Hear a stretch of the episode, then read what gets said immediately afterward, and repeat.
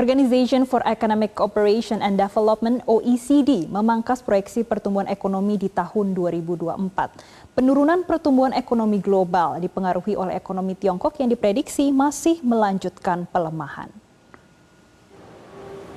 OECD memprediksi pertumbuhan ekonomi global pada tahun 2024 akan melambat menjadi 2,7 persen atau lebih rendah dibandingkan perkiraan awal yang diprediksi tumbuh 2,9 persen.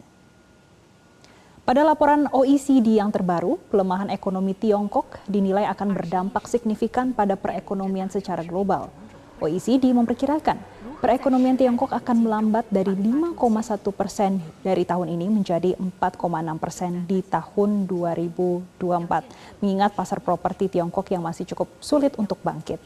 Meskipun prospek pertumbuhan ekonomi tahun 2024 akan melemah, OECD menyatakan Bank Sentral tetap harus mempertahankan suku bunga yang tinggi hingga ada kejelasan kapan tekanan inflasi sudah mereda.